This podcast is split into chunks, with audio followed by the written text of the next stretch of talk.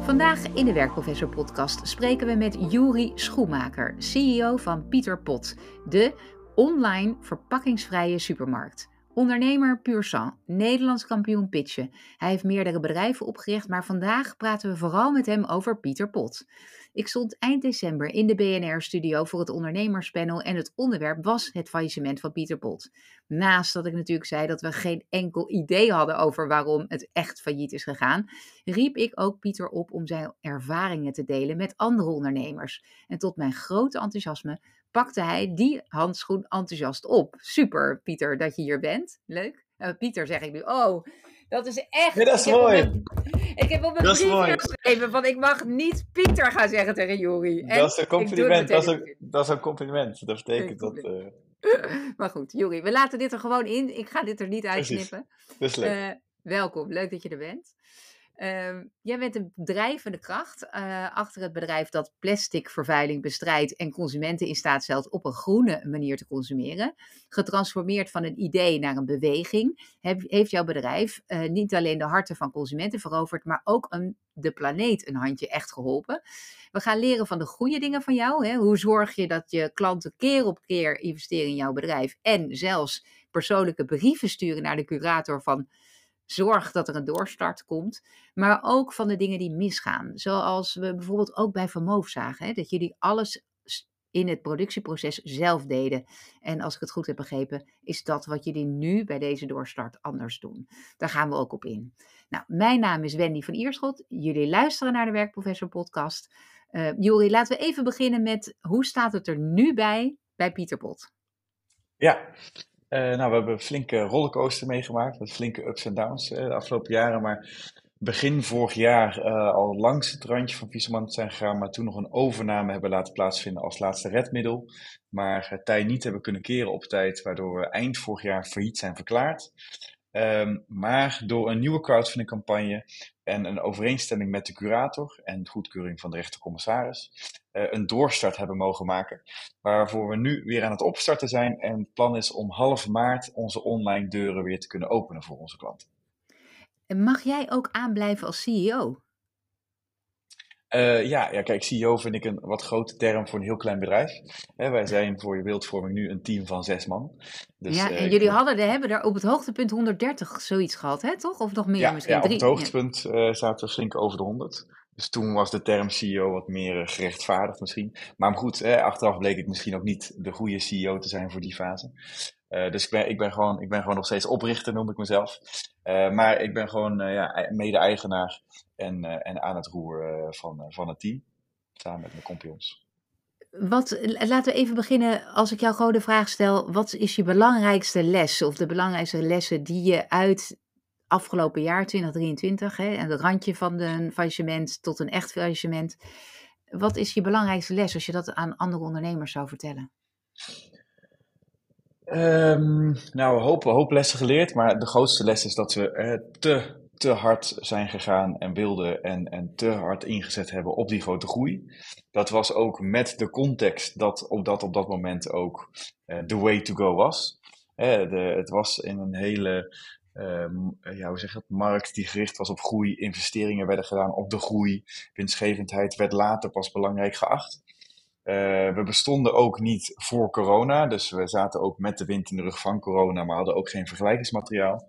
En we waren ook achteraf onervaren ondernemers, zeker voor uh, deze uh, grootte en deze groei en investeringen.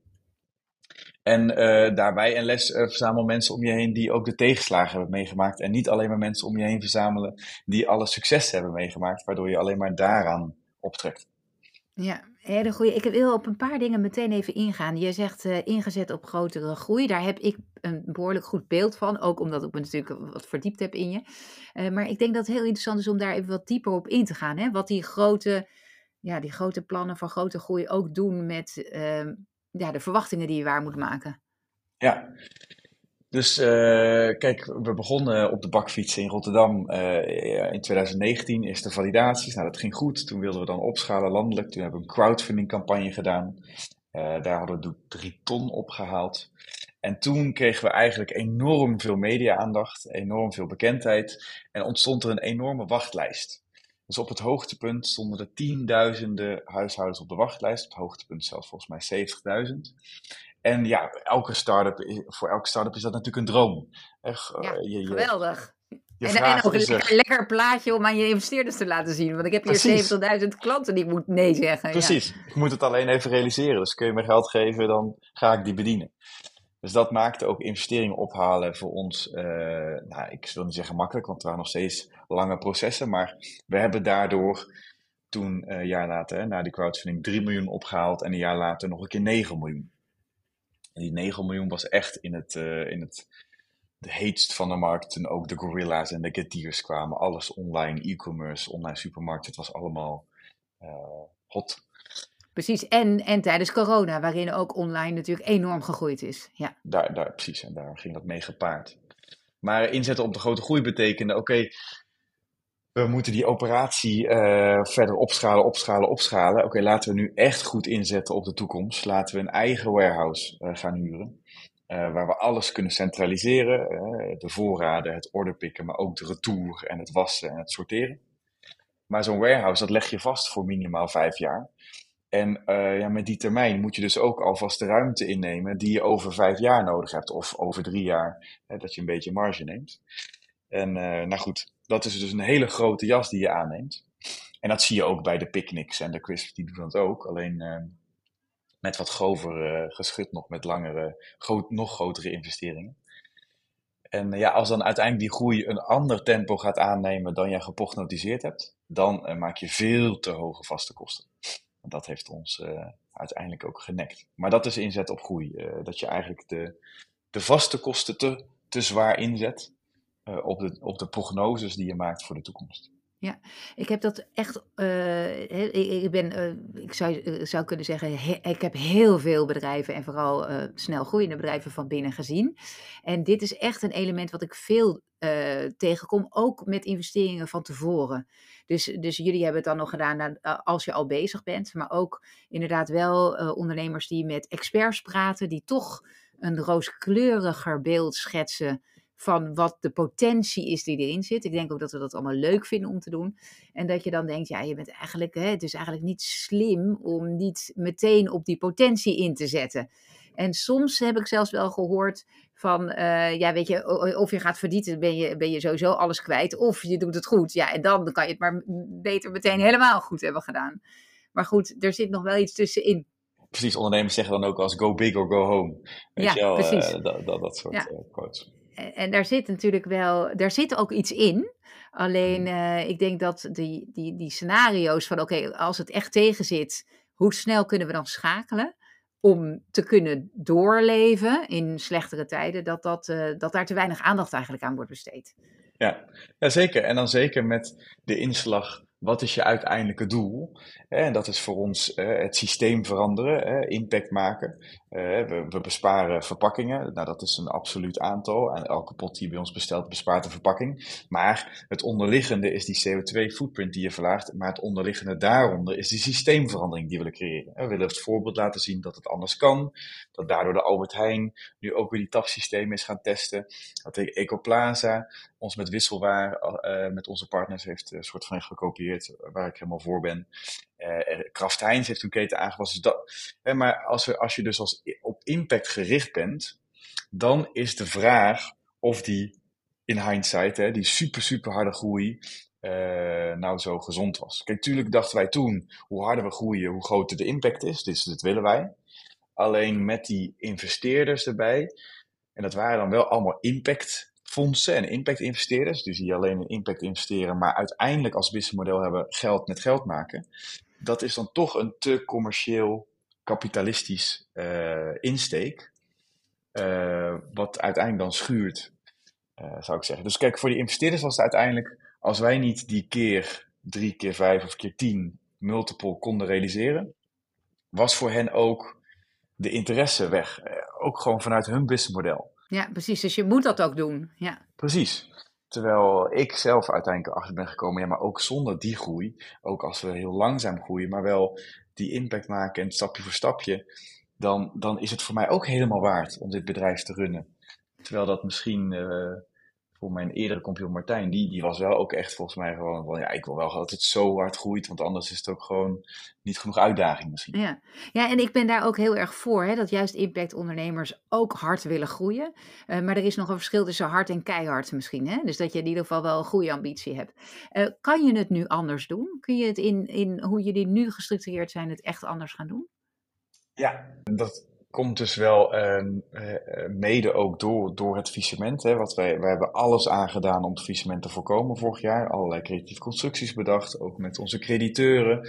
Een crowdfunding campagne opgericht om 3 miljoen op te halen waarmee we alle schulden konden aflossen. Uh, maar door dat faillissement is er eigenlijk ja, een volledige schone lei ontstaan.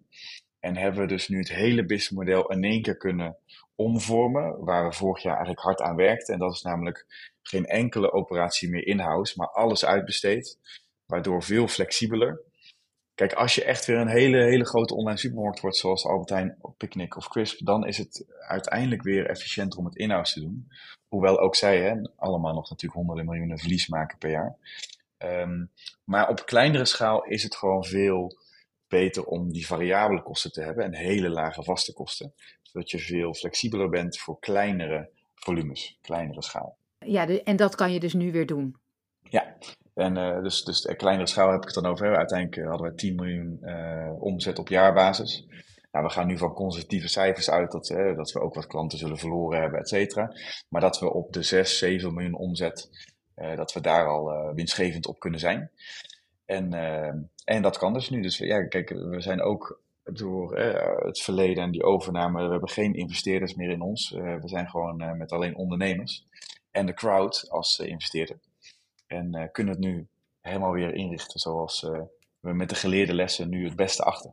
Ja, precies. In, in Amerika zeggen ze nu van je bent een betere ondernemer geworden. Hè? Dus dat is ook iets wat ik heel graag met deze podcast ook duidelijk wil maken. Dat dat je natuurlijk met die lessen ook echt iets goeds kan doen. Dus ik, ik, vertrouw erop, Juri, dat we gewoon over een paar jaar zitten en dat je dan denkt, ja, we gaan nu toch die ambitie van, uh, van vijf jaar geleden, maar op een hele andere manier realiseren. Nou, zo, zo, voel ik het nu ook, terwijl ik dat natuurlijk afgelopen jaar niet altijd deed. Hè. Dus ik voelde me vorig jaar ook als enorm gefaald en, en zag de fouten als, ja mistakes of my life. En terwijl ik het nu kan zien, ik heb eigenlijk zoveel geleerd. Juist door die fouten en, en, en, en geleerde lessen. Um, dat me dat juist een veel meer ervaren ondernemer nu maakt. Ja, um, als, je, als je kijkt naar de verandering in jezelf. Hè? Dus, dus je zei al van ja, je, je, het is toch echt moeilijk ook om dat gevoel van falen te hebben. Heb je het gevoel dat je zelf ook echt veranderd bent? Uh, ja, dat, dat, dat, dat denk ik wel. Um, in die zin dat vorig jaar, vooral toen, die, uh, toen we langs het randje van faillissement gingen en die overname uh, plaatsvond, um, was ik echt soort van, hè, ineens mijn kindje, werd mijn kindje uit handen genomen. En als we toen failliet waren gegaan, dan dan had ik eh, kunnen concluderen, oké, het is niet gelukt. Ons niet samen met die hoge investeerders en al die adviseurs om ons heen. Weet je, er was een board. Er was, maar ja, het is blijkbaar niet gelukt. Maar toen er ineens twee andere ondernemers nog mee doorgingen, uh, ontstond er ineens een situatie, hé, hey, maar kan het niet toch wel dan? En dan is het niet het niet gelukt, nee, dan is het mij niet gelukt. En dan is het ons als oprichters niet gelukt. En dat voelde als persoonlijk falen. En ik was ook mijn, mijn identiteit kwijt. Want ik had mijn identiteit verleend aan Pieter Potts. ik bedoel, je noemt Pieter bij de intro. Weet je wel, maar dat gebeurt heel vaak. En soms werd ik zelfs op straat herkend. En ja, het was, ja ik, was, ik was Pieter Pot. En als je dat dan dat, dat wegvalt. En afgelopen jaar heb ik gewoon naast Pieter Pot ook gewoon mezelf hervonden. en dat heeft al heel veel tijd gekost hoor. Maar ook mijn eigen waarde. Wat, wat, ik dacht dat ik ook niks waard was zonder Pieter Pot. als ondernemer ben je natuurlijk ergens een generalist. Dus ja, ik dacht, hoe ga ik nou ooit een baan vinden en wat kan ik nou? Maar daar heb ik gelukkig na tijd en, en, en wat dingen mijn, mezelf, ja, mijn eigen waarde hervonden. Wat me ook weer denk ik krachtiger maakt om het ook de toekomst in te brengen en niet afhankelijk te voelen. Ja. En zou je wat meer nog willen delen over hoe je dat, door welk proces je heen bent gegaan en wat nu jouw waarden zijn? Maar vooral ook even die lessen van hoe heb je dat gevonden? Met wie heb je gesproken? Wat heb je gedaan? Ja, uh, ja ik, ik, ik, zou niet claimen dat ik standaard uh, hier uiteindelijk tips en tricks voor heb, maar uiteindelijk heeft het gewoon heel veel tijd gekost. En, en heb ik gelukkig hele waardevolle vrienden en familie om me heen die me door die tijd hebben geholpen, maar ook andere ondernemers. Uh, heeft heel veel geholpen. Het heeft me sowieso geholpen er heel veel over te praten. dus alle, alle gedachten die je hebt, juist over het falen en fouten, juist daar heel veel over te praten. En dus ook toch toen de tijd ook in podcasts te gaan of presentaties te geven, om juist het te verwerken en te reflecteren. Te reflecteren, reflecteren. En op het moment dat de vragen die jij nu stelt, helpt mij met te reflecteren. Nu ter plekke, maar ook weer als ik hier straks wegloop. Dat, dat heeft heel erg geholpen. En uiteindelijk helpt dan ook, ja, hoe je het went of keert, uh, bevestiging. Dus uh, op het moment dat ik dan toch werd gevraagd door een andere start-up om hen te helpen, of aan boord te komen zelfs, of te adviseren. en ik ehm, heb proberen, oké, in het spectrum waar ik meer zat, namelijk de voorkant, hè, de branding, PR, marketing. ik daar met een aantal creatievelingen wat andere opdrachten ben begonnen om ook andere start-ups daarin te helpen. En daarin de bevestiging kreeg, oké, hier ben ik toch wel best goed in. Dat heeft uiteindelijk geholpen. En uiteindelijk ook het teruggevraagd worden bij Pieterpot aan het roer. Kijk, ik ben uiteindelijk dus wel betrokken gebleven bij Pieterpot om ook te leren wat dan anders had gekund. In eerste instantie voor die andere ondernemers gaan werken. Op dat spectrum van branding, marketing, PR. En toen op een punt dat ik dacht, oké, maar ik kan, niet, ik kan dit, dit voelt toch niet goed. Hebben zij me juist teruggevraagd, joh, Juri, je moet hier toch volgens mij uh, de boel weer gaan runnen om ons te helpen het om te keren dat gaf natuurlijk ook ultieme bevestiging. Oké, okay, uh, dus daar ben ik ze ook heel dankbaar voor. Ja, uh, dankjewel voor dat delen. Uh, je zegt al, ja, jouw, jouw kwaliteit zit echt in die branding, die marketing, maar ook dat community beelden, zou ik zeggen. Hè? Dus, dus zorgen dat, dat klanten echt fan van je worden. nou, daar, daar kunnen we volgens mij nog zes podcasts over maken, over hoe je dat doet. toch, toch zou ik er een paar dingen uit willen halen van waar denk jij ja, het is echt bijzonder hè, dat, dat, op, dat je aan je klanten vraagt: kunnen jullie je krediet bij ons eigenlijk verhogen? Ik weet niet of ik het goed zeg, maar het, het geld wat bij jullie uitstaat verhogen, zodat wij daarmee schulden kunnen afbetalen. En dat dan ook heel erg veel mensen dat doen. Terwijl je ook op de bank kan zitten en denken: oké, ze kunnen hun schulden niet betalen. Uh, de kans Dat, dat mijn geld wat ik daar dan nu instop, dat dat terugkomt, uh, dat is misschien wat kleiner. Maar er is dus echt ja, ik denk ook een commitment aan jullie missie. Maar, maar er is ook iets meer wat je doet. Heb je enig idee waar dat hem in zit? Ja, nou dus ik denk eh, ten eerste nog steeds ook die missie natuurlijk. Dat dat zeg maar uiteindelijk is gebleken. Wij gingen op een gegeven moment op de massa. Hè, we wilden grote, grote. Nou daar, daar hebben we nog niet een ideale product market fit. Maar ik denk op die niche, hè, die 20.000 klanten die we hebben. Is onze missie gewoon één op één wat zij zochten, wat zij willen. En wat ze ook nergens anders kunnen vinden. Eh, er, zijn er is een hele enkele verpakkingsvrij winkel die het weet te redden in Nederland. Maar die komen en gaan. In de rest van Nederland zijn wij gewoon de enige optie om je boodschappen zo op een makkelijke manier verpakkingsvrij te doen. Uh, dus dat, maar, maar daarbij hebben we gewoon vanaf het begin ingezet op een hele persoonlijke, transparante uh, communicatie die ook veeluit dus ja, vanuit mij is geweest. Ik heb altijd zelf de video's, uh, selfie-video's gemaakt van het begin. Juist ook als er dingen misgingen, juist als er vertragingen waren in de bezorging, als bestellingen niet goed liepen. Dan nam ik gewoon zelf een video op van wat er allemaal misging. En dan niet allemaal chic geëdit. En dat uh, is denk ik wat, wat mensen zoeken. En ehm, ik zeg zoals gekscherend, weet je, dat is dan nu voor een, een merk waar ze dan eh, een product bestellen. Maar dat zou natuurlijk ook voor de politiek gelden, volgens mij. Ja, tuurlijk. Als, je daar zou horen van jongens, ik zit hier mee te worstelen ik, en, en ik moet dit, eh, ik wil dit, maar dat gaat helemaal niet. Ja, dat zou interessant zijn. En we proberen in die zin mensen ook gewoon mee te nemen in de keuzes die we maken, op de beslissingen. En uh, ja, die transparantie uh, is, is denk ik uh, heel key geweest in het bouwen van die community. Het voelen dat je gewoon als klant serieus wordt genomen in plaats van als consument gezien wordt. Ja, dus je, je, je, maakte ze echt deelgenoot ook van jullie proces waar jullie in zaten. Van hé, hey, met elkaar creëren we dit, dat dit kan werken. Ehm, in die uitzending van BNR waar ik zei, hè, waar, waar het over jullie ging en er aan mij werd gevraagd en aan de andere ondernemer van, uh, nou waar zou het nou aan liggen, wat hebben ze verkeerd gedaan en soort, um, hebben wij wat van gedachten gewisseld. Um, een van de ideeën die in ieder geval in mijn hoofd zitten, is ook of dat concept van de verpakkingsvrije, die potten brengen en halen, of dat niet in een soort statiegeldachtige idee gewoon bij de gewone supermarkt kan. Hè? Dus dat ik daar een pot, alles uit een pot haal en dan die potten zelf terugbreng en dan weer nieuwe potten uh, breng. Dat, dat moet ook door jullie al lang onderzocht zijn. Kan je daar iets over vertellen? Over wat je zei al van hè, we worden gekopieerd. Dat vinden we ook belangrijk, want dat is ook onderdeel van onze missie. Maar ik ben zo benieuwd hoe het daarmee staat. Ja, nee, kijk, dus uiteindelijk waar het uh, allemaal mee begonnen is. Ik geloof hè, dat de duurzame keuzes moeten ook de sexy keuzes gemaakt worden. Hè. Dus, dus Tony Chocoloni maakte uh, slaafvrij chocola ook de lekkerste chocola met Cesar Caramel. Uh, Tesla was de eerste die elektrisch rijden ook een hele sexy auto maakte. En zo de vleesvervangers natuurlijk ook.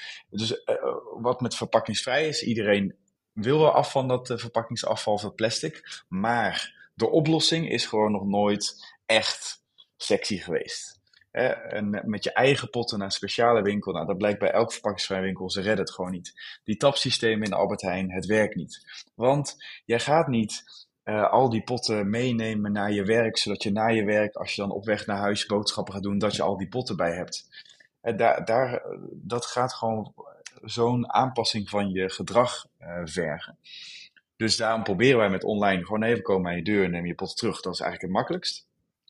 Uiteindelijk zou het een hele mooie uh, combinatie zijn met fysiek. Als jij namelijk bij ons gewoon je grote bestellingen doet, maar toevallig is nu je koffie leeg en je koekjes, maar je rijst en pasta en lijfolie nog niet, dus je hoeft die grote bestelling nog niet te doen, dat je dan even die drie potten bij de Albert Heijn zou kunnen halen. En dan je grote bestellingen en je weer bij Pieter Pot.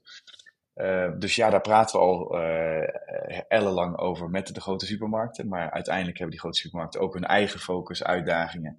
En moeten wij gewoon bewijzen eigenlijk dat zoveel klanten van hen dit willen en dat het financieel rendabel is. Op dat laatste punt zit ook een uitdaging. Als uh, die supermarkten ook nog een marge pakken op ons product, uh, wordt het of ons model weer veel moeilijker. Uh, wij hebben al superkleine marges omdat we een retourstroom hebben, omdat wij wassen. Als wij niet retour zouden doen, dan zouden we al lang winstgevend zijn. Hè? Ja, ja, ja maar je zei dat retour, dat kost natuurlijk heel veel geld. Ja. Dat, dat, dat maakt het uitdagend. En ehm, dus ja, ik geloof in die, in die en-en uh, combinatie. Maar kijk, bijvoorbeeld in de picknick liggen zou natuurlijk perfect zijn. Want dan kan je al je boodschappen daar doen. En ook uh, verpakkingsvrije van Pieterbot. Ja, precies. Ja. Oké, dus daar, daar, uh, maar die link die is er vast al? Of, of kan ik daar nog wat aan doen? Nee, die links zijn er. ik denk dat het samenhangt met ons bewijs van de markt en financiële rendabelheid. Plus context dat we in een goede markt zitten. Kijk, er zijn altijd contextfactoren. Op een gegeven moment praten we ook met Jumbo. Maar toen waren er ook wat uitdagingen bij hen. Zeg maar. Het, het ligt van het moment af of die gesprekken op een goed moment plaatsvinden. Ja, precies. Oké, als, je, als je nou opnieuw uh, weer denkt aan de lessen hè, die je geleerd hebt. We hebben er al een aantal voorbij zien komen. Dus je hebt uh, nu gezegd: oké, we gaan uh, niet op de groei investeren in grote warehouses enzovoort. Dat gaan we juist uitbesteden. En als we dan wel weer heel veel grotere omvang hebben, dan kunnen we altijd toch nog die stap weer zetten. Dat kost dan op dat moment ook een grote investering, maar dan heb je wel een andere basis liggen. En bewezen dat je winstgevend kan zijn. Dat is ook altijd fijn, want dan kan je daar weer naartoe terug. Uh, we hebben het gehad over het succes van de fanbase. Is er iets, we hebben nog een minuut of vijf, waarvan je denkt van hé, hey, als het gaat over ondernemers die iets kunnen leren van wat ik de afgelopen vier jaar heb meegemaakt, uh, wat zou je dan nog willen zeggen? En dan heb ik ook nog een laatste vraag zo direct voor je hoor. Maar, uh, nou, ga ik gewoon even hard op denken. Uiteindelijk is wel mijn uh, les dat uh, mensen maken uiteindelijk het verschil. En je hebt op een gegeven moment gewoon hele goede mensen, een klein clubje hele goede mensen. En dan ga je op een gegeven moment denken, oké, nu ga ik schalen. En nu ga ik gewoon heel veel mensen aannemen en dan, en dan, en dan gaat dat wel goed. Nou, dat, eh, dat, dat blijkt wel heel lastig te zijn om echt een veel grotere club, goede mensen in de goede richting. Je moet uiteindelijk als founder, moet jij als die, uh, management of directie, whatever, moet jij bovenop zitten en echt weten waar je mee bezig bent en echt de strategie kunnen bepalen. Je kunt in die zin ook niet een bedrijf echt uh, democratisch uh, zo hard laten schalen, denk ik. En, en dat heb je gemerkt ook, dat de mensen, want dit, dit ik heb een boek geschreven, hè, dat heet Scale Ups and Downs, en daar, daar beschrijf ik eigenlijk precies dit in, van dat, dat wat in het begin wel nog kan tot 10, 15 mensen, dat gaat echt niet meer als je met 30, 35, 40, 50 bent. En wat dan precies niet meer gaat, want dat is ook nog een beetje verschillend uh, in iedere fase. En zeker niet, zeker niet met 100. Kijk, op een gegeven moment in die fase dat de groei haperde, wisten wij eigenlijk gewoon niet waar het te zoeken. En dan hoopte je dat je al die talentvolle mensen, dat die het dan wel gingen vinden. Weet je wel, maar zo, zo werkt dat niet. Dan, dan moet je eigenlijk eerst weer helemaal terug bij af, waar we eigenlijk nu zijn. En pas als je echt weet waar je mee bezig bent en waar je op moet inzetten, dan zet je daar ook mensen in. Weet je, je, je moet daar echt uh, veel uh, beter aan het stuur blijven zitten. Ja, nou dat is een heel mooi. Uh, ik denk dat aan het stuur blijven zitten, waarbij uh, ik denk dat het wel mogelijk is om steeds verder terug te stappen en je team te laten doen, maar dan moet er wel een hele duidelijke koers liggen en een strategie. Nee, precies. Maar ik bedoel ook in die zin, denk ik, achteraf had, had er gewoon op een gegeven moment een andere CEO moeten komen. Uh, kijk, bij Swapfiets hebben ze dat ook heel goed gedaan. Hè? Daar zijn die founders ook, nou, op het moment dat Ponder erin kwam, meteen een andere CEO. Ik, ik denk dat ik we hadden gewoon eh, dan hele andere mensen ook aan het roer moeten zetten. Dus ik geloof niet per se dat de founders altijd aan het roer moeten blijven zitten. Maar wel dat je een hele sterke leiding moet hebben. Zeker als je gaat schalen. Terwijl in het begin kan je gewoon, als je een groepje van tien talenten hebt, ja, dan hoeft dat niet. Dan gaat dat gewoon. Dan gaat dat gewoon. Het is helemaal in, in spot on wat je zegt. En uh, we kijken vaak naar Elon Musk of naar hè, ondernemer Steve Jobs, die wel van het begin tot het eind zijn gebleven. Maar dat zijn echte uitzonderingen op de regel. De meeste bedrijven worden veel succesvoller van, juist als de ondernemer op tijd inziet van hé, hey, je hebt andere leiderschap nodig in dit bedrijf om het groot te maken. Andere maar ik denk, ik denk dat Elon Musk juist hele goede executives natuurlijk naast ja, zich onder zich heeft. Dat klopt. Ja. Dus hij, ik bedoel, hij is juist hè, zo goed in het gezicht en, die, en de buitenkant en, en daarmee hè, investeringen en alles laten bewegen. Maar hij heeft natuurlijk mensen onder zich die supergoed executen wat hij allemaal. Uh, wat hij allemaal wil. En ook precies zoals hij het wil. Maar goed, dat is ook weer een, een, nieuwe podcast. Um, even de laatste vraag, Juri. Um, als ik bedoel, jij hebt het meegemaakt dat je alles kwijt bent. Hè? Dus dat, dat uh, stel, morgen is alles weg. Pieter Pot, failliet, je huis, je gezin, alles moet je opgeven. Um, alleen de naam en jezelf, jij bent er. Wat, wat, wat heb je ervaren? Wat is jouw waarheid? Wat blijft er dan over? Waarvan je denkt, ja, daar sta ik voor. Dat is wie ik ben. Ja, dat, dat zijn uiteindelijk je eigen uh, normen en waarden. En, en, en uh, kijk, wat ik op een gegeven moment zo, waar ik zo onzeker van werd, is dat, uh, dat ik dacht, ik dacht dat ik een baan moest gaan zoeken. En dat je dan uh, natuurlijk, dan, ja, dan ga je vacatures bekijken en dan zie je daar dus heel veel hard skills. Hè? Vacatures zijn eigenlijk vaak gericht op hard skills. Het, je zoekt een bepaalde expertises. En dat herken ik ook. Ik bedoel, wij ook uh, proberen bij Pieter Potter mensen aan boord te krijgen op expertises die ik niet heb. En ik geloof ook in die expertises van anderen. Maar uiteindelijk denk ik, puntje bepaald, wat, wat, wat jij zelf, jouw eigen waarde, los van een concrete expertise of een werkveld, zijn je toch meer je soft skills. En daar ja, heb ik gewoon ontdekt, oké, ik ben denk ik toch wel echt een ondernemer. Uh, en ik geloof ik niet zeg maar dat ik allemaal super succesvolle bedrijven ga bouwen. Maar dat ik wel gewoon, al is het uh, op een initiatief als uh, het Nederlands kampioenschap Risk, wat ik heb opgezet, dat, dat gewoon met enorm veel mensen hebben hele goede ideeën. En ik ga ook niet zeggen dat ik de briljantste idee heb, maar ik, ik kan het wel gewoon doen. Je gaat het ook doen. Ja, en je zet het, neer en het gaat werken. Precies. Ja. ja. En, uh, en, en dat, dat, dat dat waarde heeft, is gebleken. Dat als ik andere mensen help met het uitvoeren van hun ideeën, uh, dan heeft dat heel veel waarde. Uh, en dat, dat, dat, dat, dat, dat blijf ik in ieder geval hebben, los van wat er om me heen gebeurt of wat ik dan heb.